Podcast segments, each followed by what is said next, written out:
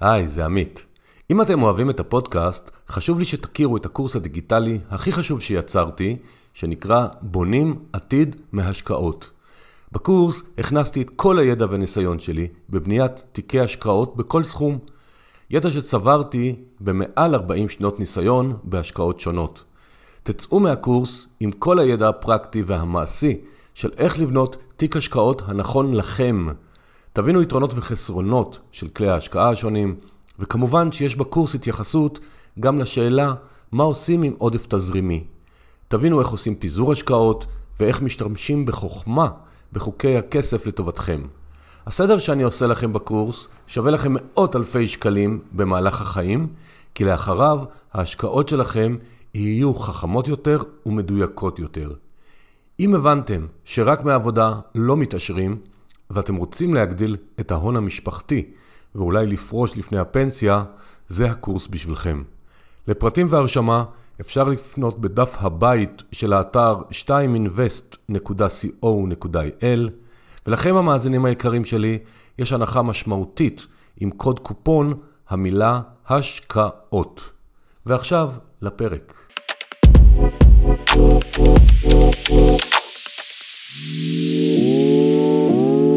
שלום לכולם, כאן עמית בפודקאסט כסף והשקעות. תודה שאתם מאזינים לנו, והיום תודה מיוחדת לאורחת שלי, זה אורה אריאל שנקראת האופטימית, מי שעוקב אחריה בפייסבוק. והיום תודה מיוחדת, כי למען האמת זאת הקלטה שנייה. עשינו כבר הקלטה אחת, ואיכשהו הצלחתי למחוק את הקובץ. אז תודה, אורה, שאת מסכימה לקליטות איתנו שוב.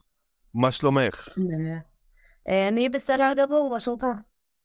אני בסדר, אז uh, הסיבה שהזמנתי את אורה, מי שלא מכיר אותה, היא נשואה צעירה, היא מתעסקת עם כסף כבר כמה שנים, היא עוזרת לנשים להבין בכסף, ובקיצור, השילוב, גם אישה שהרבה פעמים נשים מתרחקות מכסף, גם שבגיל צעיר היא החליטה, ותכף תשתף אותנו למה היא בכלל הגיעה לתחום הזה, אה, בלהבין, בללמוד, בלהשקיע, לדעתי זה מרתק ושווה לכל אחד להקשיב, וגם אני, שאני כבר עברתי את גיל החמישים, אה, תמיד לומד מכל מי שאני מדבר איתו. אז אורה, מה פתאום אה, להתעסק עם כסף כבר בגילאי ה-20? מה, מה קרה לך? אה, האמת שהיו לזה הרבה מאוד אה, סיבות. אה, אני חושבת שאחת מהן זה ש... אה, בגיל 20 התחלתי אחרי הצבא לעבוד בעולם ההייטק. ופתאום הרווחתי ככה יותר כסף מהכמה מאות שקלים שהייתי מרוויחה בצבא. והבנתי שאין לי שמץ של מושג מה לעשות עם הכסף הזה. אה, אז אמרתי, בהתחלה אמרתי לעצמי, טוב, בסדר, כאילו, אף אחד לא יודע ולא זה. ואחר כך אה, אני חושבת שאחד מהדברים שהכי גרם לי להיכנס לעולם הזה, זה היה הפוסט של אה, הסולידית, אה, שקראתי איזה פוסט שלה שהיא דיברה על פתאום עצמאות כלכלית ועל חופש כלכלי, והתחלתי להאמין שכסף יכול לקנות לי את הדבר שתכלס אי אפשר uh, לקנות אותו, את הזמן שלי. במקום שאני אעבוד בהייטק הרבה שעות ויהיה כל הזמן כאילו בעבודה, זה יכול לקנות לי את החופש שלי. וזה משהו שבאמת ככה יצא לי השבוע אה, לראות את ההתממשות של הדבר הזה. רגע, תכף נגיע, רגע, בואי, בואי נשמור אותם במתח, אבל... אוקיי. אמרת מושג שהוא ניתן לפירוש באלף ואחת צורות, ואני מאוד אשמח שתרחיבי בעיניים שלך. אמרת שקראת פוסט שדיבר על חופש כלכלי. מה זה בשבילך אה, חופש כלכלי? אה, חופש כלכלי בעיניי זה שיש לי מספיק אה, הכנסות שלא רציתי, כאילו שגם אם אני לא עובדת, שהן לא תלויות בזמן שלי. כלומר, אם אני עכשיו עובדת או לא עובדת, עדיין נכנס כסף לחשבון בנק. בעיניי זה איזשהו, זה חופש כלכלי שאני, אם אני עובדת זה מבחירה לחלוטין שלי ולא מתוך צורך. מעולה. אז את, אז, אז בשנות ה-20 שלך, את מבינה שאת רוצה את זה, אני מנחש שאין איזה הון עתק, אני גם לא יודע אם גדלת בבית של שכירים או עצמאים, לפעמים הגישה לכסף היא אחרת, אז איך את מתחילה ללמוד? איך את מתחילה ללמד את עצמך? אני רוצה שתתני השראה גם למאזינים, שאומרים, וואלה, מתאים לי לקבל, להרוויח כסף כשאני, גם כשאני ישן ולבחור, אבל לא יודעים איך להתחיל, אז, אז איך את התחלת? איך התחלת ללמוד בכלל? אה, האמת שמהבית דווקא היה לי הרבה מאוד אה, התנגדות לנושא הזה בהתחלה. אה, כלומר, הגעתי ממשפחה חד-הורית, לא, לא קיבלתי שום דבר מהבית. אבא שלי עזב כשהייתי בערך בת 13, ואימא שלי נשארה לבד עם ארבעה ילדים. בכלל לדבר על הקונספטים האלה של חופש כלכלית כאלה בפועל לא היה בפוקוס, המטרה הייתה יותר כאילו לשרוד ושיהיה כסף לאוכל על השולחן. ואיך שאני התחלתי היה קודם כל להבין שזה בסופו של דבר הכל עניין של סדר עדיפויות ושל הבחירות שלי. אה, כי בגלל שגדלתי בצורה הזאת, פתאום גם כשנכנסתי להייטק והיה לי כסף, אז התחלתי באופן אוטומטי להוציא הרבה יותר. כי פתאום היה לי. ואז הבנתי שזה דברים שפעם לא הייתי צריכה אותם, והסתדרתי איתם מצוין, ואני גם לא חייבת אותם היום, אם יש לי מטרה שהיא יותר חשובה. אז התחלתי, הדבר הראשון שהתחלתי זה לעבור על כל ההרצאות ולעשות איזשהו סדר, אה, לראות מה חשוב לי באמת ומה לא, מה שלא חשוב לי, ויתרתי עליו, שמתי אותו בצד. אה, אחר כך פשוט התחלתי לקרוא וללמוד על הנושא, אני הבנתי שמפחיד אותי מאוד אה, להתחיל להשקיע ולסכן כסף, אז הלכתי לקורס. ומה? לא, לא, רגע, שוק ההון, נדל"ן, באיזה תחום התחלת? הלכתי לקורס של שוק ההון, אני מיד היום מאמינה ששוק ההון זה הדרך היותר נכונה להתחיל אה, להשקיע. בואי תסבירי למה למי שפחות מכיר את העולם הזה, מה, למה לדעתך שוק ההון הדרך הנכונה להתחיל? אה, אני אתחיל בזה שכמעט כולנו, בין אם אנחנו רוצים או לא רוצים, מושקעים בשוק ההון. אז כדאי מאוד להתחיל להבין מה אנחנו, מה הולך שם. כי לכולם יש פנסיה קרנות השתלמות, קופות גבע, דברים כאלה, הכסף הזה מושקע חד וחלק בשוק ההון. אה, מעבר לזה שוק ההון מאפשר לנו להיכנס גם במנות קטנות. כלומר, לאט לאט, לא להתחיל לשים את כל הביצים בסל אחד, אבל מאפשר לנו גם לעשות פיזור ברור גדול. ושלמי שמתחיל להתחיל בסכומים קטנים זה דווקא הרבה יותר אה, עדיף. אני מאוד מסכים איתך, אני התחלתי בגיל 16 כבר להשקיע בשוק ההון, ובהחלט לא, בהחלט אז היו פחות מכשירים, אני מדבר איתך על שנת 78, שאז לא היה אינטרנט, היינו הולכים לבנק לראות uh, בבוקר, בעיתונים היה את השערים, זה לא כמו היום, הכל ממוחשב. Uh, אבל בהחלט uh, אני מאוד מסכים, מי שחושב איך להתחיל, אני חושב שגם נושא הנזילות של שוק ההון הוא מאוד מאוד חשוב למי שרק מתחיל להשקיע, כי נדל"ן, uh, לפעמים, נדל"ן פיזי, קשה מאוד uh, uh, לממש אותו. אז התחלת בשוק ההון בקורס, ואז מה, ככה היה אז להתחיל להשקיע? כן, זה היה לאט לאט. אני חייבת להגיד שהרבה התנגדו. כלומר, אמא שלי ישר אמרה שוק ההון זה קזינו, זה הימורים, מה פתאום. אה, מה שעשיתי זה פשוט קניתי לגב את הקורס ואמרתי לכי תלמדי התקה. והבן זוג שלי גם לא כל כך התנגד וראה, אבל אין איזה סיפור של מישהו קרוב במשפחה, איבד הרבה מאוד כסף בשוק ההון, אז התחלתי עם הרבה מאוד מטענים שליליים כנגד זה. אה, ופשוט התחלתי בקטן, באמת כאילו בציפי זה ראיתי כי טוב, ולאט לאט המשכתי עוד קצת, ועוד קצת, עוד אחת מהסיבות שאני אוהבת להתחיל בשוק ההון זה בגלל שהוא יחסית מאוד תנודתי, כלומר אפשר, השוק הזה זז מאוד מהר, בניגוד לשוק הנדל"ן שלוקח חודשים ואפילו שנים לראות איזשהו שינוי של מגמה, בשוק ההון זה יכול לקרות כאילו. וזה מאוד uh, עוזר לנו להבין את האופי שלנו ואת היכולת להתמודדות שלנו כמשקיעים. יש אנשים שיכולים לחיות עם זה, ויש אנשים שלא. וזה מאוד, אפשר לקבל ככה uh, תובנות מאוד מאוד מהר לגבי מה אנחנו מסוגלים להתמודד איתו מבחינת uh, שיבולת הסיכון שלנו. ואז בשוק ההון, אז הלכת קורס, גם קראת ספרים בנושא, או הלכת לייעוץ אישי, או הבנק, או עשית סימולציה במחשב, כאילו דרך תוכנות כאלה או אחרות, לא משנה, אפליקציות, או איך קצת אה, אחרי הקורס, מה, מה, איך העשרת את הידע שלך עוד? אני כל הזמן המשכתי לקרוא ולהתפתח בתחום, זה היה משהו שכאילו התעסקתי בו בשנים האחרונות ממש ברמה יומיומית. קראתי ספרים, שמעתי אודיובוקס, קראתי כאילו בעיתונות וספרות מקצועית, מה שיש, וכן התחלתי להשקיע דרך הבנק, אני עד היום משקיעה דרך הבנק, שהיא נורא עזר לי בתור התחלה העובדה שיש איזשהו יועץ, יש מישהו שעוזר לי ושהוא שם איתי, ושוב, בתור מישהי שהתחילה, היה לי ככה קשה לקבל את ההחלטות, והיה לי טוב שהיה מישהי שהוא מוסמך, ויכולתי להתייעץ איתו ולשאול אותו שאלות, גם אם הוא לא היה הכי אובייקטיבי. לא, מעולה, מעולה, אני מאוד מאמין. העיקר להתחיל, אני מאמין שצריך להתחיל, כי כמו שבאפט אומר, ללמוד שחייה בהתכתבות אי אפשר, אז גם בלהשקיע כל תיאוריות זה יפה, אבל עד שלא חווים תנודתיות לכל כיוון, אה, לא יודעים מה זה. אז יופי, אז את בשוק ההון, ומה גרם לך פתאום להתעניין גם בנדל"ן? אה, אני מאמינה מאוד גדולה בפיזור סיכון. באיזשהו שלב, כל חודש ככה הוצפתי עוד טיפה ועוד טיפה, וכל פעם כשנכנס איזה בונוס או איזה משהו, זה נהיה איזה בדיחה אצלנו שהבן זוג שלי אמר, אה, תקשיבי, יש לי עוד כמה אלפים בשבילך להשקיע, הבאתי לך מתנה, הנה, תשקיעי את הכסף. אה, זה היה ברור שכל כסף אצלנו שנכנס זה נקרא לא. ובאיזשהו שלב התיק אה, כבר נהיה יחסית גדול, זה התחיל אה, להלחיץ אותי, שכל הכסף יושב רק בשחרון.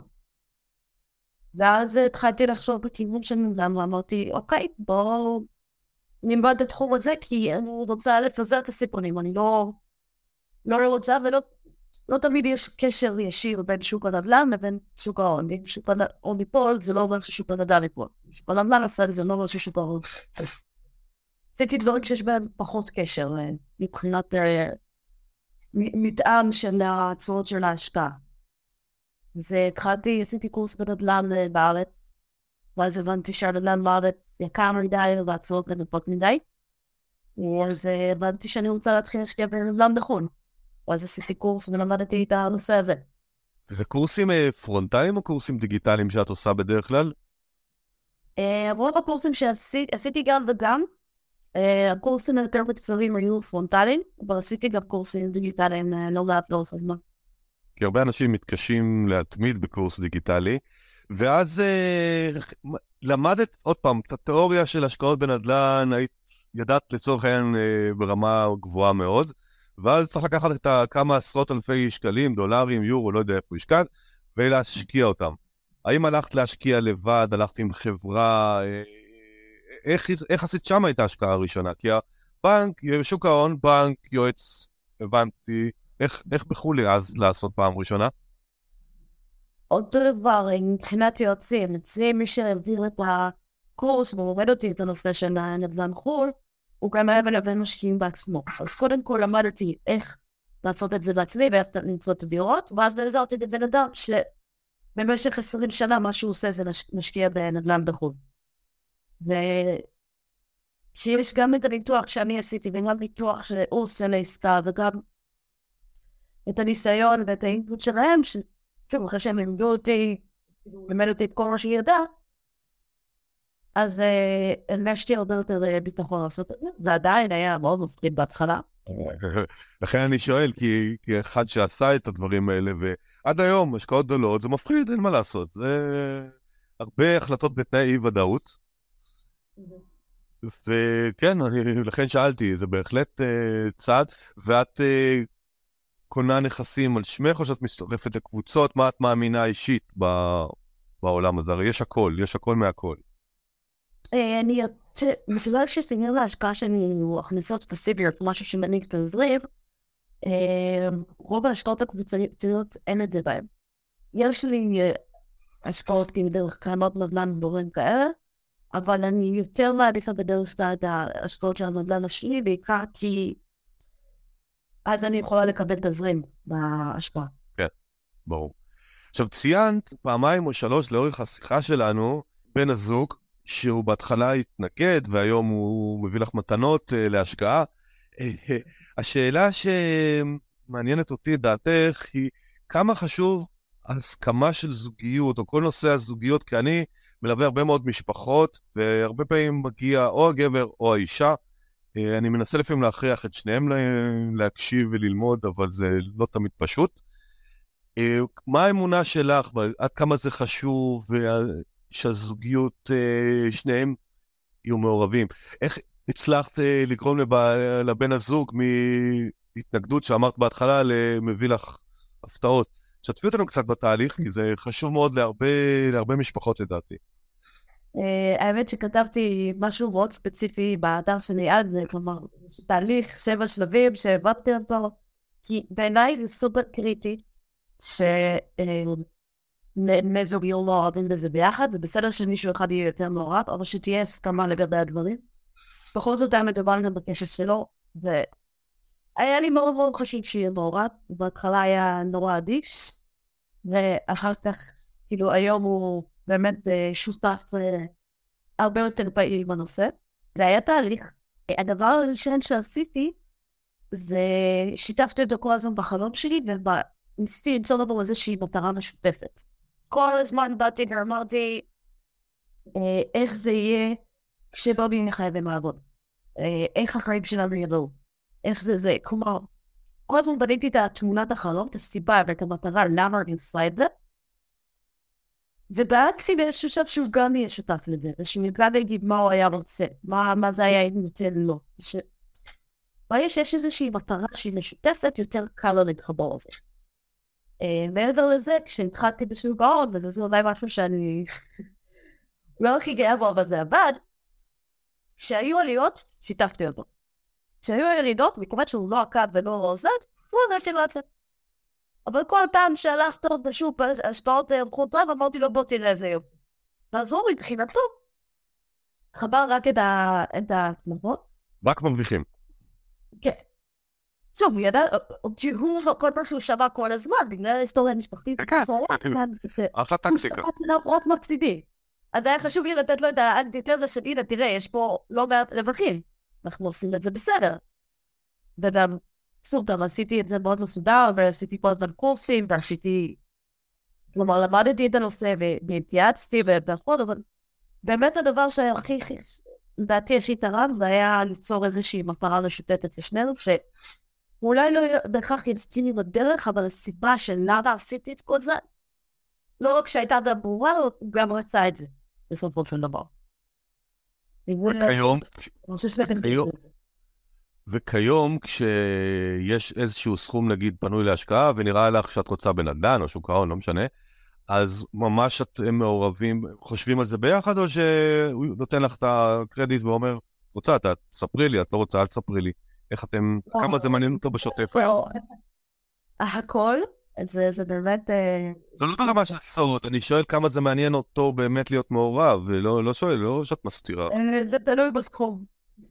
בסכומים קטנים הוא אומר, אוקיי, אם זה מה רוצה, סבבה, תעשי. כשזה נהיה סכומים קצת גדולים יותר, אומר, רגע, אני רוצה לעבור גם ולהסתכל ולראות. הבנתי. עכשיו אני רוצה להגיע ל... לכן אה, רציתי להגיד משהו מקודם והשתקתי אותך שקרה בתא המשפחתי, כי רציתי שנגיע לפה, אחרי שהמאזינים קצת ישמעו שאת התחלת בגיל צעיר ללמוד, העזת להשקיע, חיברת את הזוגיות והצגת מטרה משותפת לזוגיות, ובואי תשתפי את המאזינים במילים שלך, מה שבא לך, מה קרה בתקופה האחרונה בחיים המשותפים. אה, אז אה, באמת מה שהייתה המטרה שלי זה לא להיות תלויה במקום העבודה. אה, יצרתי לאורך זמן כל מיני מקורות הכנסה נוספים, מהשקעות ומעבודות נוספות. בן הזוג שלי פתח עסק עצמאי במקביל להיותו כשכיר, וכל הזמן המטרה שלי הייתה להפסיק למכור את הזמן שלי תמורת כסף. שאני אקבל את הזמן שלי חזרה ואני אוכל לבחור מה אני עושה פה, ללא תלות בנושא הכלכלי. ומה שקרה זה ש... אה, יום אחד הבושי קורא לי למשרד, נותן לי מכתב ואומר, יחסי, כאילו, אנחנו ניפרד כידידים. זה משהו שכן היה באיזשהו תיאום מראש, וכבר זה היה אחרי שנה שישבתי עם בוס ואמרתי לו שאני כבר מגיע לתחושת אה, ניצוי, כי כבר ההכנסות הפסיביות שעשיתי היו יותר כל חודש מהמשכורת שלי בהייטק, אז כבר הסיבה שלי להישאר הייתה, לא כל כך הייתה.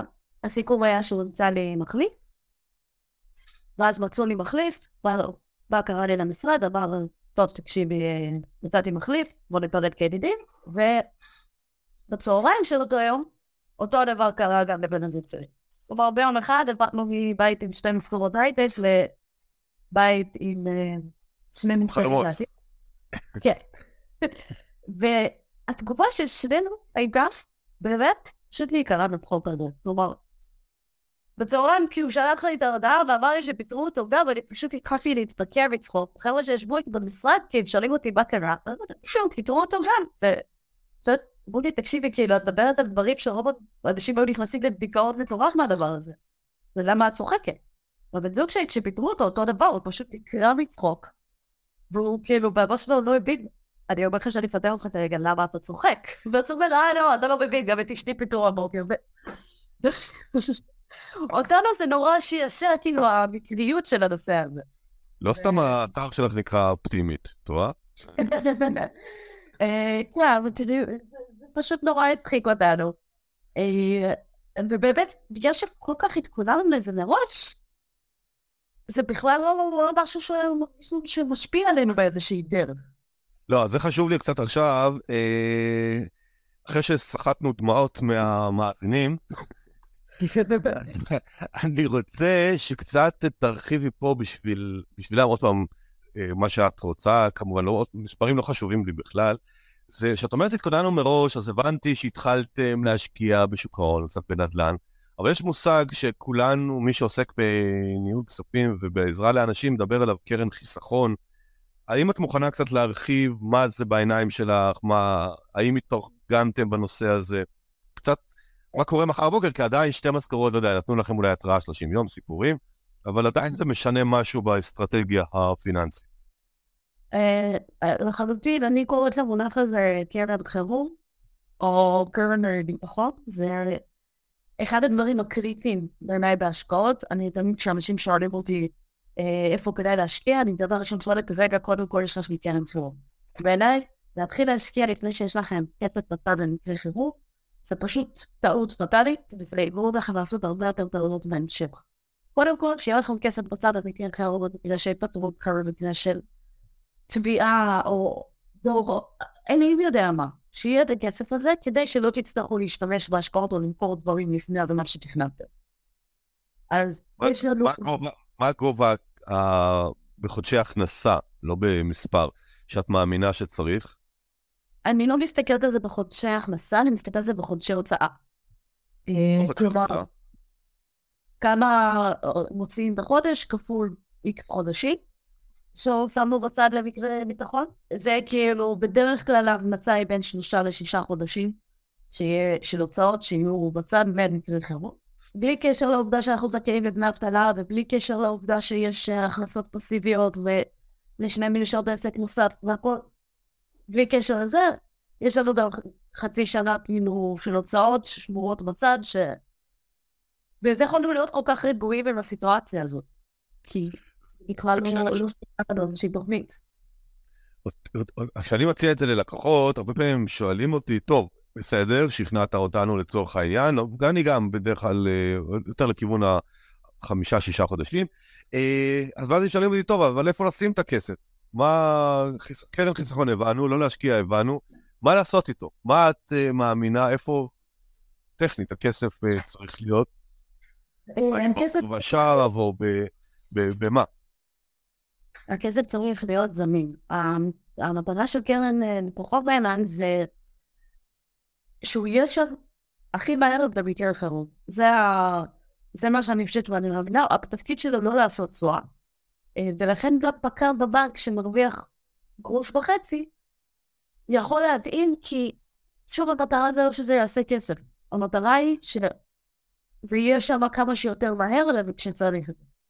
לא, זאת הערה מאוד חשובה למי שפחות בקיא אולי במונחים, כי כסף נזיל, גם השקעה במניות לצורך העניין היא מאוד נזילה, אבל היא מאוד מאוד תנודתית. מה שאורה אומרת בעיני, בעיניים שלה, לא צריך לעשות תשואה, לא לפחד מזה שהכסף לא מרוויח כלום, כי הוא מיועד לימי סגריר. אז שימו לב לניואנס, מי שקצת פחות בקיא בזה. יופי, אז אני רוצה ככה, פשוט יש לי כל כך הרבה מה לדבר על הנושאים האלה של כסף, אבל אני רוצה קצת שנעבור ברשותך אחת האמונות שלך שנשים צריכות להבין יותר, ובפועל הרבה פעמים נשים מאוד מאוד אה, חוששות. למה לדעתך אנשים נמנעות מלהתעסק עם כסף, רבות מהן, ואיך אה, אפשר לקרב אותם, חוץ מהסיפור האישי, שזאת אחת הסיבות שהזמנתי אותך, שקצת תשמעו, אבל מה, מה עוד אפשר לעשות ולמה? אני חושבת שהסיבה שנשים נמנעות מכסף זה שפשוט כל החיים שלנו אמרו לנו שאנחנו לא צריכות להתעסק בזה. בדרכים כאלה או אחרות, יש לי איזושהי הרצאה על נשים בכסף, ואני מתחילה את הסיפור על איזה מישהו שיצאתי איתו, שראה שיש לי כל מיני ספרים כסף בחדר שלי, והוא פתאום בא ואמר לי שזה נורא מוביל לו שאני כל כך עומרית. זאת היה כן ספרים על השקעות, זה היה כן ספרים על איך להתנהל כלכלית וכאלה, מבחינתו זה הוריד, והתגובה שלי הייתה, אני נורא נוגע בתגובה הזאת, אבל התגובה שלי הייתה לקחת את הספרים האלה, לשים אותם במסדרון ולא להתעסק בנושא כמה שנים. אני חושבת שאם לא הייתי יוצאת עם הבחור הזה, איפה הייתי יכולה להיות היום. אה, אני אומרת שאנחנו מקבלות הרבה מאוד, אה, גם איזשהו חוסר אה, אמונה וחוסר ביטחון ביכולות שלנו, וגם הרבה מאוד פידבק שאנחנו לא צריכות כאילו להיות שם, וזה לא המקום שלנו. אני רואה הרבה פעמים בשיחות שלי עם גברים, שהם מדברים על כמה הם כאילו יודעים לעשות לי כסף, וכמה הם עושים את ההשקעות, כשאני מדברת איתם לא אומרת, אני מגלה שאין להם שמץ של על מה מדברים. הם לא ידעו בזה, אבל אין להם שבט של מושג. אז גם כגבר וגם כיועץ פיננסי, אני יכול להגיד לך שאת צודקת. הרבה פעמים אה, אנשים מדברים כאילו הם מבינים גדולים, כי לא נעים להם, אה, הרבה אגו, להודות שלא יודעים, ובאמת לא יודעים הרבה יותר טוב, ולכן השאלה ששאלתי אותך, למה את חושבת שנשים כל כך נמנעות? כי נשים לפחות לפעמים נכנסות לחדר, אומרות, אנחנו, לא, אנחנו לא יודעות, באנו שתסביר לנו א', ב', ג'. נכון, המנותרות פתוחות. אגב, הרבה מאוד מחקרים מראים שדווקא בגלל התכונה הזאת, נשים גם מנהלות וגם משקיעות כסף אה, יותר טוב.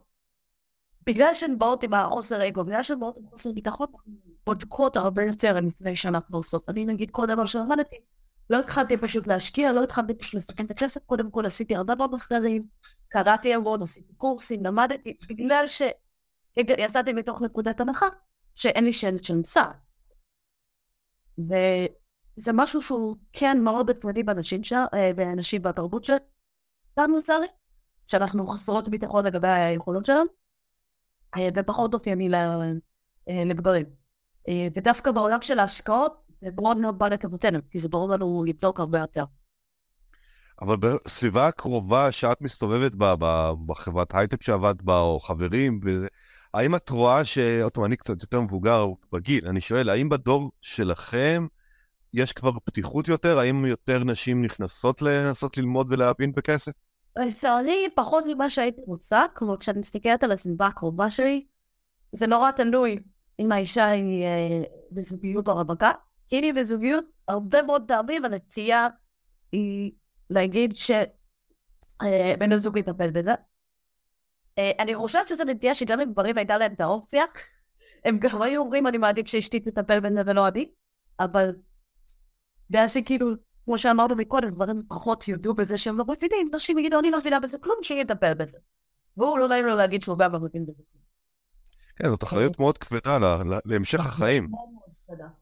אה, דווקא אנשים שהרבה פעמים שרוצים להכיר אותם שהם כן רווקות, אז הם מבינות, אוקיי, אין לי מישהו אחר שיעשה את זה, ואני חייבת לעשות את זה בעצמי. ואז הן כן קצת יותר נכנסות לנושא הזה. אה, למזלי, דרך האתר שלי, ודרך זה פתאום מתחילות לפנות אליי יותר ויותר נשים. ואני חושבת שאחת מהסיבות זה שיש מעט מאוד נשים שבכלל עושות את זה, כלומר שבכלל לעבוד אה, דוגמה. והן כאילו מתעסקות בנושא הזה ומדברות על זה באופן חופשי, יש מעט מאוד נשים שמודלים בסיכוי שאנחנו צריכים להתחבר אליהם.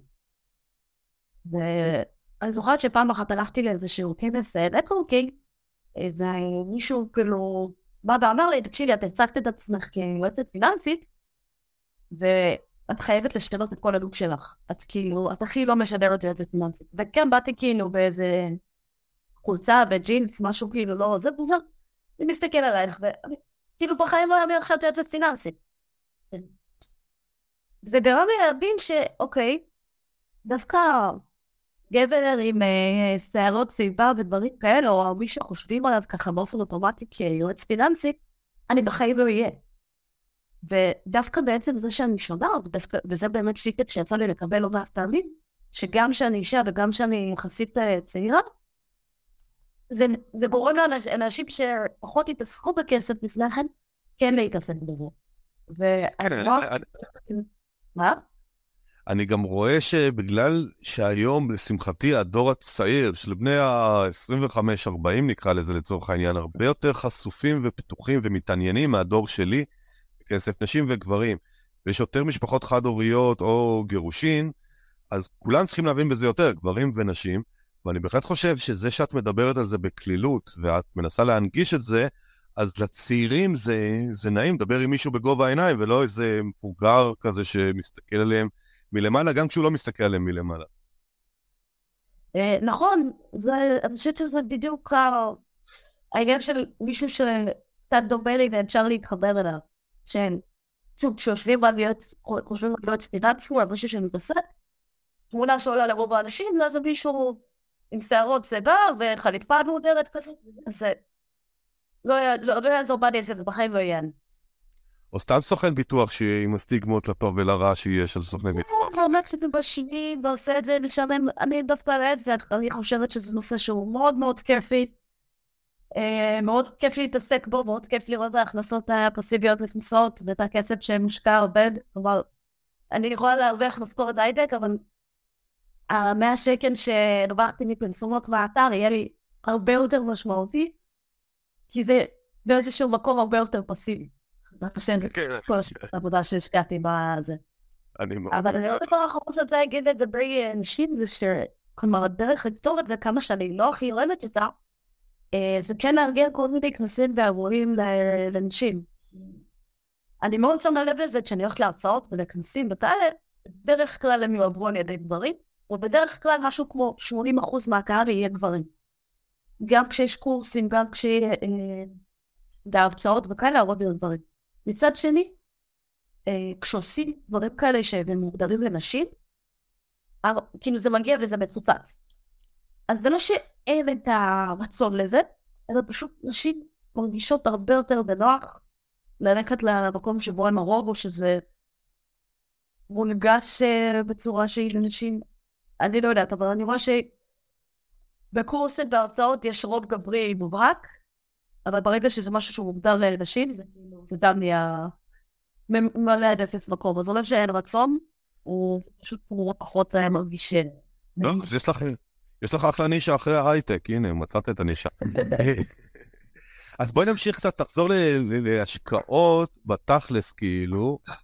אה, אם את מוכנה קצת לשתף, למשל בשוק ההון, איזה קריטריונים את מגדירה לעצמך, ככה שאנשים יקבלו קצת רעיונות, מה זה השקעה טובה, לא טובה, מסוכנת, לא מסוכנת, מותר לקחת סיכון. כל המיקס הזה, איך את uh, קצת uh, בוחנת אותו ופועלת פה? אה, אני באופן כללי לא מאמינה שיש דבר כזה השקעה לא טובה או טובה או לא טובה. אני מאמינה שיש השקעה שהיא מתאימה ולא מתאימה. אה, אני למשל נגיד לא מתקרבת לעולם של אה, ביטקוין מטבעות דיגיטליים וכאלה.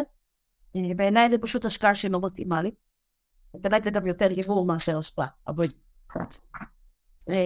ויש אנשים שזה מה שהם עושים, זה לא אומר שזה טוב וזה לא טוב. אה, זה אומר שלי מבחינת האופי שלי כנשקיעה, מבחינת סיבולת סיכוי שלי, מבחינת המטרות שלי ומה אני רוצה להשיג, זה לא נכון וזה לא מתאים. איך, את יודעת מה סיבולת הסיכון שלך כשאת מתחילה? אה, זה מה שאמרתי מקודם, שאני חושבת שמאוד אה, חשוב כאילו לבדוק את זה, ואחת הדרכים הכי טובות לבדוק את זה בשוק ההון, ולהתחיל ככה בסכומים קטנים ולראות האם כשיש ירידות אנחנו ישנים טוב בלילה, ואם אנחנו בסדר, ואיך אנחנו חיים עם זה. אה, זה דרך טובה מאוד לבדוק את הסיבות סיכון בעיניי. וראיתי שכשיש לי איזושהי תוכנית ואסטרטגיה לטווח ארוך, מאוד קל לי להתעלם מהרעש אה, שיש בשוק הפוזיטיבי שלי גם, לדעת שהיא זמנית. וזה פחות משנה לי בלא מובן, כי רוב השווקים, בסופו של דבר, אה, יש עליות ויש ירידות, אבל הציבור הכללי הוא למעלה. אם יש איזושהי ירידה זמנית, אני חיה איתה בשלום ואני בסדר וזה וואלה, כאילו יש, לאחרונה יש לא מעט ירידות בשוק, זה סוג של רכבת הרים, מה שהולך בשוק ההון לאחרונה, ואני חיה עם זה בסדר גמור, כלומר, אומרת, אוקיי, יש לי אסטרטגיה, יש לי דברים שהם טוב מראש, זה בסדר. זה לא משנה לי. מאחר שאנחנו לא יודעים, אנשים יקשיבו לזה במהלך השנים גם, אז אנחנו מקליטים את זה בדצמבר 2018. אה, כאחד שעבר אה, טלטלות הרבה יותר משמעותיות, אה, אני אגיד לך שזה כרגע, שזה כרגע כלום, זה שעשועים, אבל להתעורר בבוקר ועם 30-40 אחוז פחות תוך יומיים שבוע, זה תמיד מבאס, גם כשיש אסטרטגיה, זה לא צריך להלחיץ, אבל זה מבאס, צריך הרבה, הרבה אוויר לקחת. ונשאל רגע אז בנדל"ן, אולי שם יהיה לך יותר קל לענות לי. אה, אמר שהחלטת שחו"ל הוא יותר מתאים מישראל בגלל המחירים. עכשיו חו"ל אה, הוא אינסופי לצורך העניין, זה מניו זילנד עד אה, הוואי, לא? כאילו, זה ה-360 מעלות של כדור הארץ. איך את מחליטה לעצמך איזה מדינה מתאימה לך? איזה... וכשאת בוחרת מדינה, האם את מרכזת באותה מדינה באותו אזור, או בכמה אזורים שונים באותה מדינה. קצת אסטרטגיה שאת מאמינה בה בפיזור נדל"ני? אה, זה חלק מהדברים ככה שלמדתי תוך כדי קורס, איך לבחור מדינות אה, שהן מקומות שעדיף להשקיע בהן. מה שצריך להסתכל עליו זה בעצם על החוקים של המדינה, על המיסוי, קודם כל לבחור מקום שיש אמנת מס במדינת ישראל שאין לנו מס כפול. זה מאוד מאוד חשוב לעצור, ולראות שהחוקים שם הם כן באים לטובת בעלי הדירות, אה, ולראות שיש איזושהי תרבות של מיגון נכסים. כי יש כל מיני מדינות שנכון, הנדל"ן שלנו מאוד זול, אבל אין שם איזה שהן חברות או מקומות שזה לא כל כך נפוץ בתרבות שיהיה מישהו שאין את הנכס. כמו בישראל, רוב האנשים שקונים איזושהי דירה להשקעה, הם מנהלים את הנכס בעצמם, הם בוחרים את הדיירים, והם אליהם מתקשרים אם יש תקלה, ויש מדינות כמו ארה"ב למשל או אנגליה, ששם התרבות היא דווקא שיש איזושהי חברה שמנהלת את הנכס, יש איזושהי חברה שהיא בודקת את הערב, והיא מתעסקת בזה אה, לחלוטין.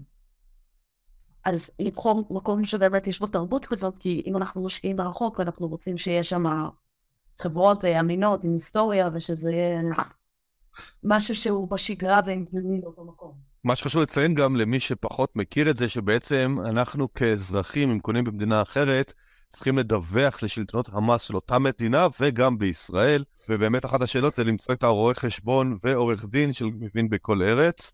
אה, גם, אה, זה גם אה, משימה לפעמים.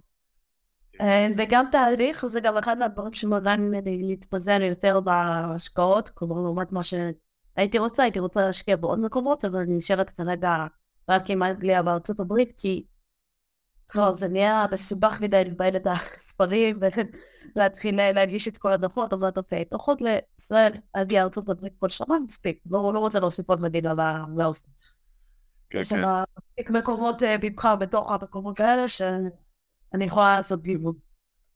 כן, מערך הדוחות בהחלט מוכר החוויה המפוקפקת הזאת, אבל זה, שזה לא ירתיע, כי בסוף זה פעם בשנה, ו...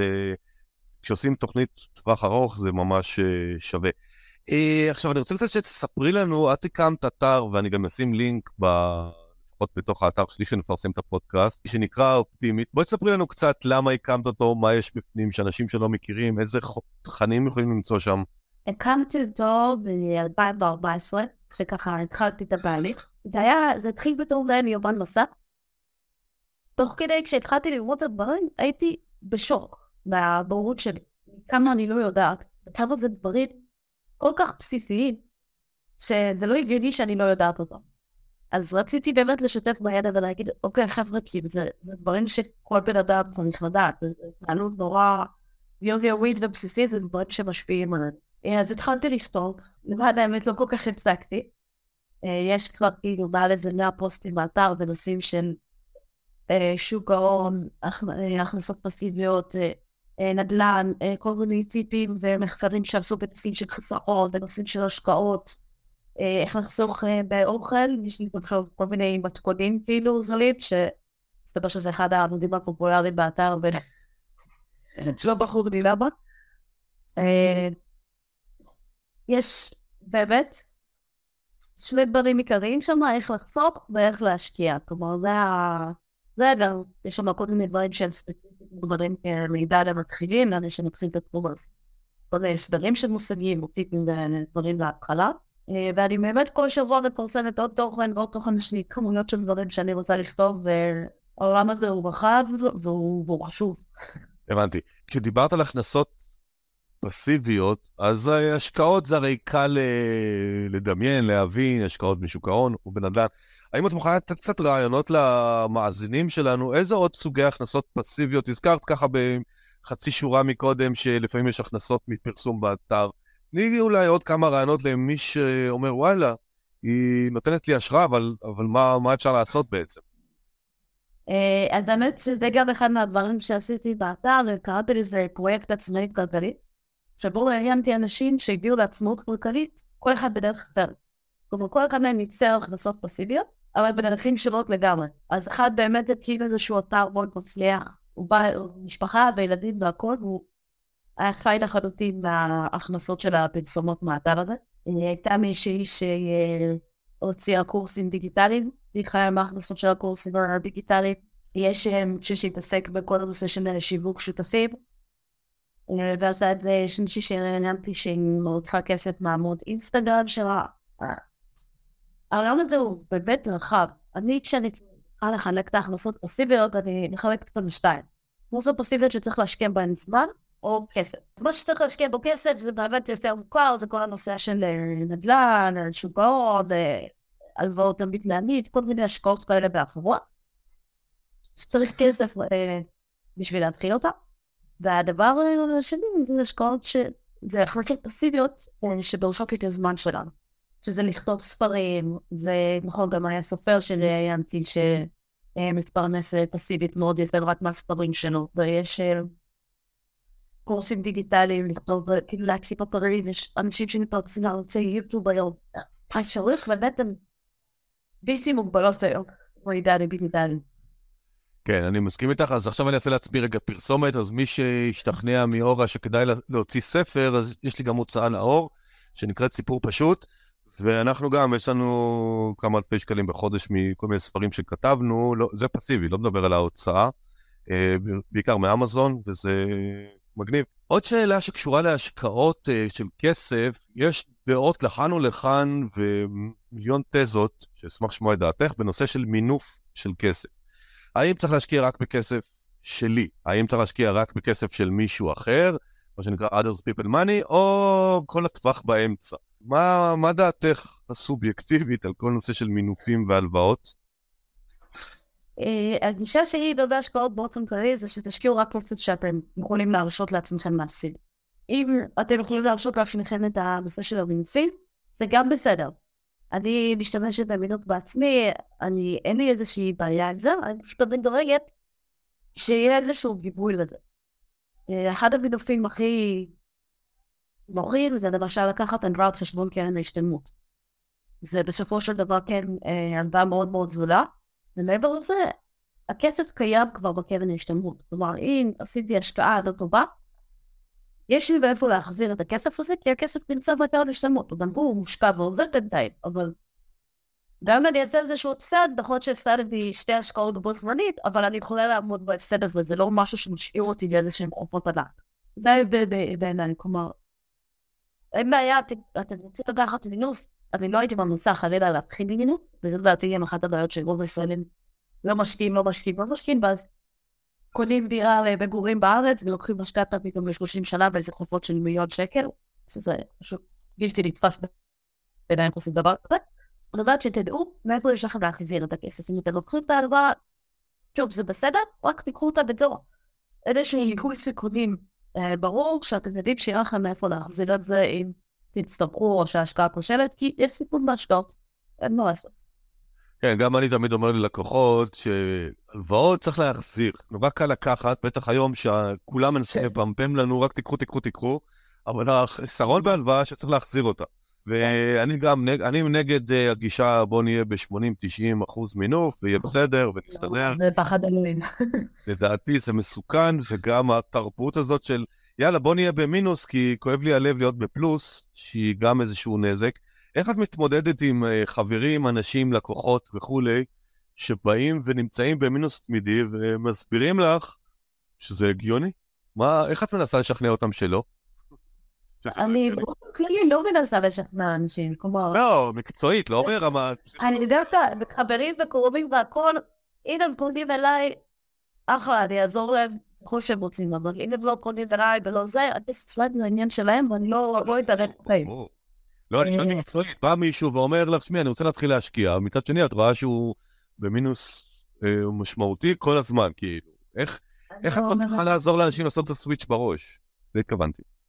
אני אני אומרת תמיד, כלומר, לפני שאתם מתחילים להשקיע, קודם כל, שני דברים צריך שיהיו. קודם כל, אתם צריכים שההכנסות יהיו יותר קטנות מההוצאות. נקודה.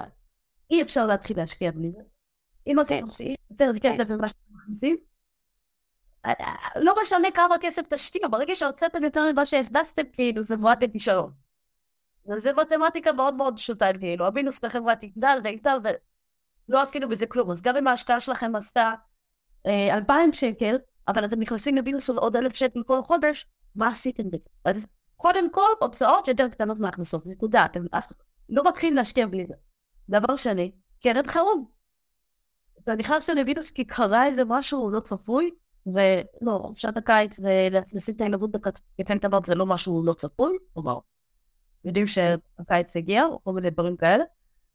אלא באמת משהו אה, בלתי צפוי, אה, הלך אה, האוטו, טיפולי שיניים, ו- ולא יודעת, דברים שמצריכים איזשהו כסף חירום, שיהיה לך קרן חירום בצד. אז בעיניי בגישה שלי, אומרת להם, אני לא ממליצה לאף אחד להשקיע, לפני שקודם כל ההוצאות קטנות מהכנסות, ושיש קרן חירום בצד. רק אז תתחיל לדבר איתי על השקעות. לפני כן, כאילו, אני גם לא יודעת איזה שהם עצות בנושא, כי בעיניי זה לא נכון להשקיע במטר אחר. אנשים אה, לפעמים באים אליי ואומרים לי, רגע, אבל כשאני רואה פלוס בחשבון זה פסיכולוגית מפריע לי, ואני תמיד משתגע מזה, לא יודע איך להתמודד עם טענה כזאת שהיא הכי לא כלכלית אה, שיש בעולם. עכשיו, לגבי השקעות בשוק... דווקא עם הטענה הזאת זה הכי קל, להגיד להם, אוקיי, אין בעיה, אבל אתה יודע כמה הוצאות לעשות, פשוט תעשה הוראת קבע לאיזשהו פק"ם, רציתי לדבר לחשב כסף, שאתה תוכל להשקיע, אז זה לא פלוס בעובר בשעה. זה כסף שהוא חיסכון, מיועד מראש לחיסכון בהשקעות. לא, הפוך, אנשים אומרים... אה, הבנתי, כן, אני מנסה... ברגע ששמתי את זה בפק"ם, או זה לא בעובר זה- יש איזשהו, אה, זה נקרא פנקסנות מנטלית, שאנחנו כאילו אומרים, הכסף הזה בכלל מיועד להשקעות, הוא לא מיועד לשימוש שוטף. אחרי ששמים אותו בצד, אז הוא לא חלק מהשימוש השוטף. חושבת על השקעות בנדל"ן, קצת דיברנו על, השק... על הש- השקעות בשוק ההון, קצת פחות. אשמח לשמוע קצת אה, רעיונות כיוונים שאת מאמינה בהם שיעזרו לאנשים. אה, שוק ההון הרי הוא לצורך העניין אינסופי, בואו נפשט את זה, נגיד שיש ארבעה מכשירים עיקריים, אג"ח, מניות, קרנות נאמנות וקרנות נאמנות צה"ל, מה שהפעם תעודות צה"ל. אה, איך, וכל אחד מהם משקיע בארץ או בחו"ל וכולי, כאילו, איך את אה, לעצמך, לאחרים, בכלל מתחילה להתקרב לבניית תיק? האפשרויות הן אינסופיות. אה, האפשרויות לחלוטין הן אינסופיות. אני אה, בגישה של אה, מאמינה שקודם כל הדבר הכי חשוב להוריד סיכונים זה פיזור. אז לעשות באמת כמה שיותר פיזור, לא לבחור איזה מניה אחת להגיד בואנה זה החברה הכי טובה שקיימת, אז אה, אני אשקיע את כל הכסף בה.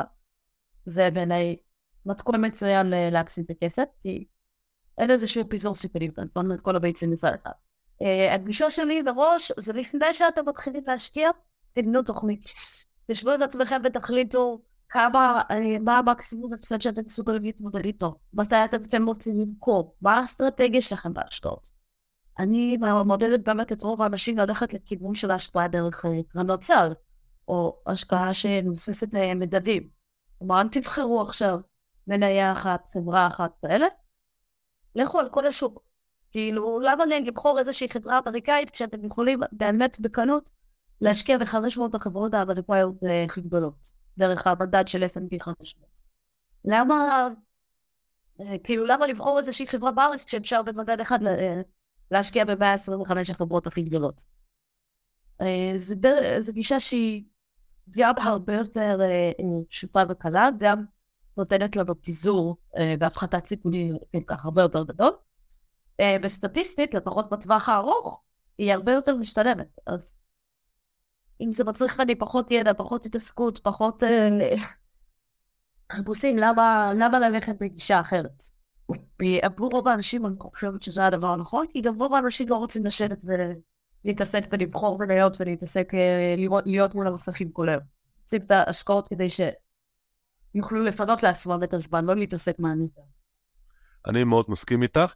ולגבי מה שנקרא הטיית הביתיות, יש uh, מחקרים בכל העולם, לא דווקא בישראל, שאנשים בסוף משקיעים במדינה שהם חיים בה. את אישית מאמינה שכדאי להשקיע גם במדינות בחו"ל, או בשוק ההון הכוונה, לא בנדל"ן, או בחברות ישראליות בלבד? אה, דווקא בנדל"ן אני לא חושבת שיש הטיית ביתיות גדולה. כלומר, בדרך כלל לכל השקעה בישראל, אני שואלת את עצמי, האם אני חושבת שזאת השקעה טובה, גם אם לא הייתי גרה בישראל. לא תמיד התשובה היא כן, כלומר לגבי נדל"ן בארץ, זה הסיבה שהורידו אותי מזה. כלומר, אם הייתי, אם לא הייתי גרה בארץ, אין סיכוי בעולם שהייתי חושבת שזאת השקעה טובה. אה, מבחינת שוק ההון, שוק ההון של בישראל הוא בערך 0.1% מהבורסות בעולם. למה שאני ארצה להיות בשוק כזה? מעבר לזה שאני גם מאוד מאמינה בפיזור, בפיזור אה, כמה שיותר נרחב, אז ברגע שאני משקיעה רק במדינה אחת, אין לי איזשהו פיזור. כל שני וחמישי יש פה איזה מלחמה, יש פה איזה פיגוע, זה משקיע על שוק ההון בטירוף. אז למה לשים את עצמי אפילו במקום אחד, אני בעד פיזור כמה שיותר אה, נרחב. אז מי שפחות מכיר את שוק ההון, אז רק לידיעה שקרנות הסל שאורה הזכירה, אפשר להשקיע בארצות הברית, אירופה, יפן, כל איפה שלא רוצים בעולם, בשקלים דרך הבנק. זה לא אומר שעכשיו צריך לרוץ ולהמיר כספים. יש כל מיני מכשירים מאוד מאוד פשוטים שבאים להקל עלינו אה, להשקיע בעולם. אז אנחנו ממש מגיעים לקראת הסוף, אז אני חושב שהייתי מאוד שמח אם היית יכולה לתת איזה שניים, שלושה טיפים של אני מאמין שלך לכל אחד. למעשה שניים חזרת עליהם, ואני אחזור עליהם בשמך. אוקיי. זה, זה קרן החירום, שפשוט לא נוותר עליה. אחד זה, תדאגו שההכנסות יהיו גדולות מההוצאות, זאת אומרת, לאורך זמן. זה קריטי. אין מצב. אה, אני, אני אומר, אני קורא לזה שכמו שחברה תפשוט רגל אם היא תוציא יותר ממה שהיא תכניס, אז תא המשפחתי הוא סוג של חברה.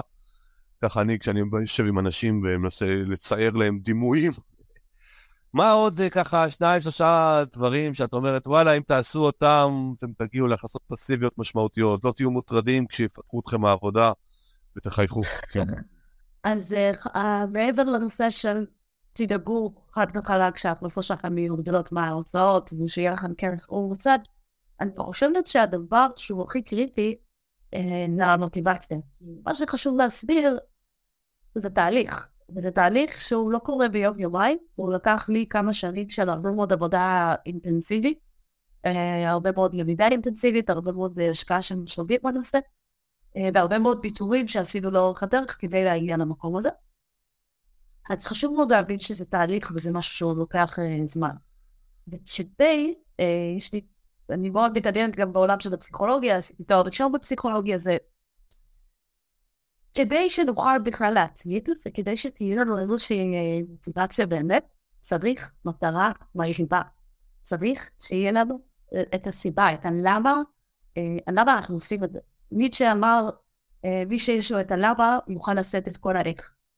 וזה מאוד מאוד נכון בעיניי. כלומר, אם אנחנו יודעים למה אנחנו עושים את זה, ובעיניי זה לא מטרה מספיק מרחיבה כדי שאני לא אהיה בגינוס, או שיהיה לי כסף אה, לקנות ככה וככה.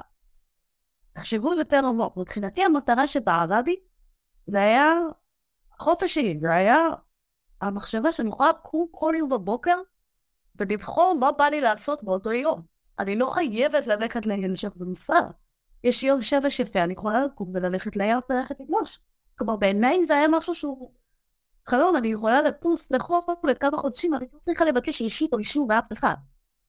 זה היה משהו שבערתי ונתן לי הרבה מאוד מוטיבציה, ובלי המטרה הזאת שהגדרתי לעצמי, בחיים לא הייתי מגיעה לזה. אז מה שאני הכי יכולה לתת, אה, להגיד לכם זה, תחליטו, אם אתם רוצים לעשות את השינוי הזה, אתם רוצים להגיע למקומות כמו איפה שאני נמצאת, איפה שעמית נמצא, שוואלה, לא, נופל לנו מקור הכנסה אחד, זה לא כל כך משפיע, יש עוד הרבה מקורות. תמצאו מטרה חשובה, כי אתם, זה ייקח זמן, זה תהליך, ויהיה צריך להשקיע בזה אה, הרבה מאוד אה, אנרגיה, ויהיה צריך להקריב דברים אחרים בשביל זה.